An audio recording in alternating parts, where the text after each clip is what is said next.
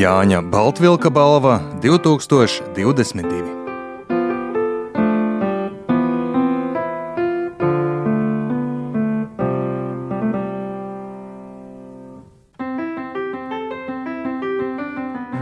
Pēdējo gadu laikā, pateicoties platformai Latvijas Literature, ir uzsākta, turpināta, arī realizēta latviešu literatūras tulkojumu, pludināšana Eiropas, varbūt arī nedaudz tālākā pasaulē, un arī ar ilustratoriem notiek kaut kas ļoti līdzīgs. Proti, tāda tīklojuma veidošana starptautiskā sadarbībā, meistardarbnīcas formātā.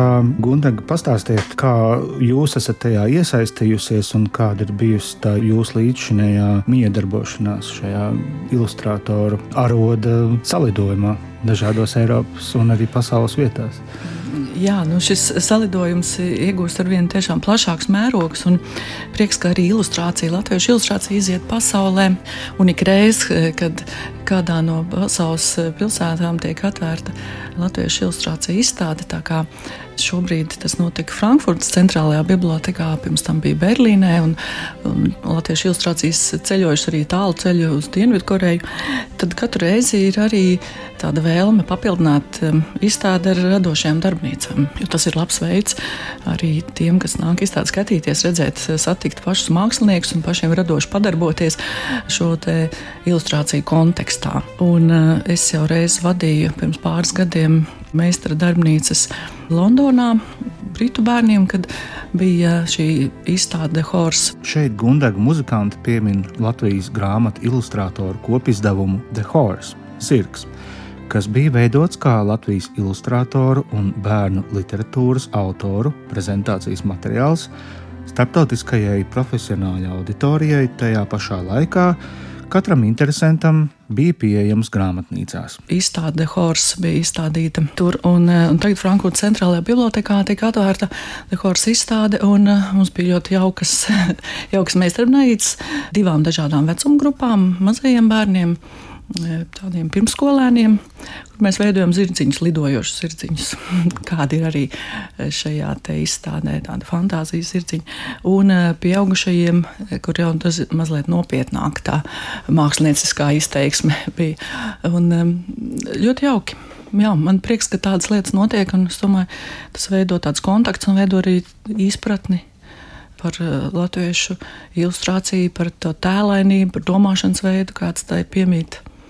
Liekas, tā ir brīnišķīgi apsveicama Latvijas literatūra aktivitāte, par kuru es domāju, gan, gan tie, kas raksta, gan tie, kas zīmē, visi ļoti gandarīti. Runājot gan par uh, Ines Paklonas krājumu zvēru barošanu, gan par Juhanija Pitsepa garstāstu, ja tā var teikt, ir mēnesis zelta kuģis, un par to pieeju, kā jūs nonākat pie grāmatas, kā pie, varbūt, varētu teikt, arī pie cilvēka, jo šis literārais materiāls ir jāiepazīst, viņš iespējams neatklājas uzreiz, bet ir kaut kādi pavērsieni, kas pašķir jums to iespēju varbūt tikt vēl tālāk vai dziļāk, un tad arī iespējams noformējas tā vizualitāte. Lūdzu, pastāstiet, kā jūs šķetinat tekstu, kurā brīdī viņš sāk dot par sevi zīmes, ka jā, tā būtu pareizā forma, pareizais veidols, kā to arī risināt vizuāli. Jā, nu, grāmata ir tāds veselums, ko veido, ko veido literārā valoda un vizuālā valoda, kā jūs teicāt. Un es um, gadu gaitā esmu apzināti izkopusi šo spēju runāt dažādās vizuālās valodās. Diezgan mērķtiecīgi pie tā strādājot. Jo Nu, grāmatu, kā mēs zinām, var ilustrēt ļoti dažādi. Tas var būt tāds tēlains, eh, fantāzijas pilns atainojums, simbolisks, eh, dekoratīvs, eh, varbūt arī ļoti realistisks, protams. Un katrs tas literārais teksts prasa savu pieeju, atrast to, lai šīs abas valodas sabalsojas. Varbūt, varbūt viņas runā līdzīgās toņkārtās, eh, varbūt kaut kur kontrastējot, kas arī var būt ļoti interesanti. Bet eh, kopumā tam jāveido tādu harmonisku veselumu. Kas ir tas, ar ko mākslinieks var darboties? Teiksim, ilustrācija radot, tie ir tēli, ko radīt, vide un noskaņa. Tāds trīs, trīs rakstura lielumi kas ilustrācijā izpaužās. Nevienmēr viss reizē, bet, bet kāds no tiem vienmēr. Un, um, un tad, uh, lai ar šiem darbotos, ir jāsaprot, kuri tad uh, būs tie tādi atslēgas vārdi, lai veidotu to harmonisko veselumu ar, ar grāmatas to literāro kodolu. Un, um, piemēram, ar Ines Paklonas zvēru barošanu bija pavisam interesanti, jo nu, man ir raksturīgi dzīvnieks personificēt. Un, Es izlasīju viņus brīnišķīgos dzējoļus, un man rādījās tādas dažādas interesantas ainas. Piemēram, es biju uzzīmējis tādu skici, kur ķēngurs uh, ir ar lietu sargu. Jūs iztēlojaties apmēram tādu skatu, ka ķēngurs dzīvo Austrālijā, tur lietus nelīst. Tagad viņš ir spiests dzīvot Latvijā, šādi un tādi līst. Un tad tāds skats, kā ķēngurs lēkā pa pļaviņu lietu sargam, likās ļoti amizanti. Vai arī, piemēram, roņi uzvalkos. Un es domāju, ronis, un kur vēl labāk uzvalks der kā uzliec. Bet tad, kad es šīs skices redzēju, Ines Paklāna, viņa teica, nē, nē, nekāda ķēngura ar lietu sargiem. Tie ir reāli dzīvnieki uz vārdārzā, un tur jābūt visam tā kā dzīvēm.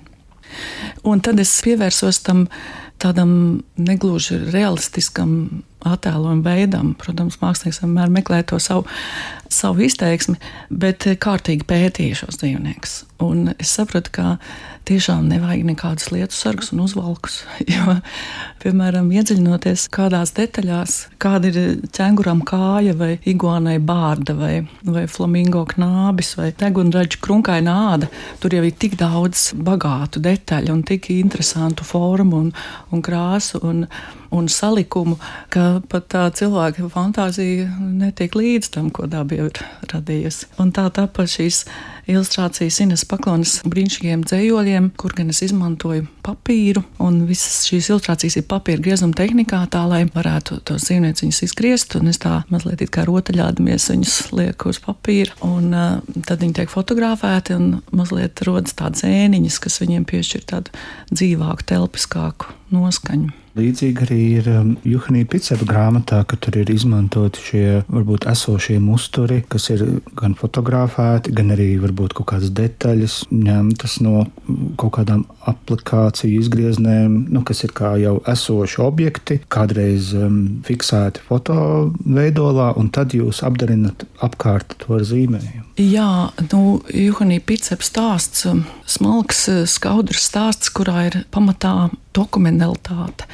Un tai arī jāatrod ir tāda izpausme, pie tam ir grūti salikt kopā tādas eh, skarbas lietas, kā, kā zemūdeni vai, vai kara lidmašīna iznīcinātājs apbumbots mājas. Un, un to bērna pasaules izjūtu, ka bērns spēlēs veikaliņos, ka viņam ir mīļācītis un eh, tādas, eh, tādas sirsnīgās lietas. Tātad tur jāsaliek kopā tādas it kā nesavietojamas, grūti savienojamas eh, lietas un noskaņas, un vienlaiks arī kādi tādi kā simboli, kā vispārinājumi, manuprāt, bija jāatrod. Jo no vienas puses tas ir reāls stāsts, atmiņu stāsts, bet tāpat laikā tur ir tik daudz tādas um, mums šobrīd jau saprotams lietas, bet tajā laikā e, šis vēsturiskais e, notikums, e, bēgļi, karš, jūra likās kaut kas sens, tā kā teikai vai, vai senam nostāstam līdzīgs.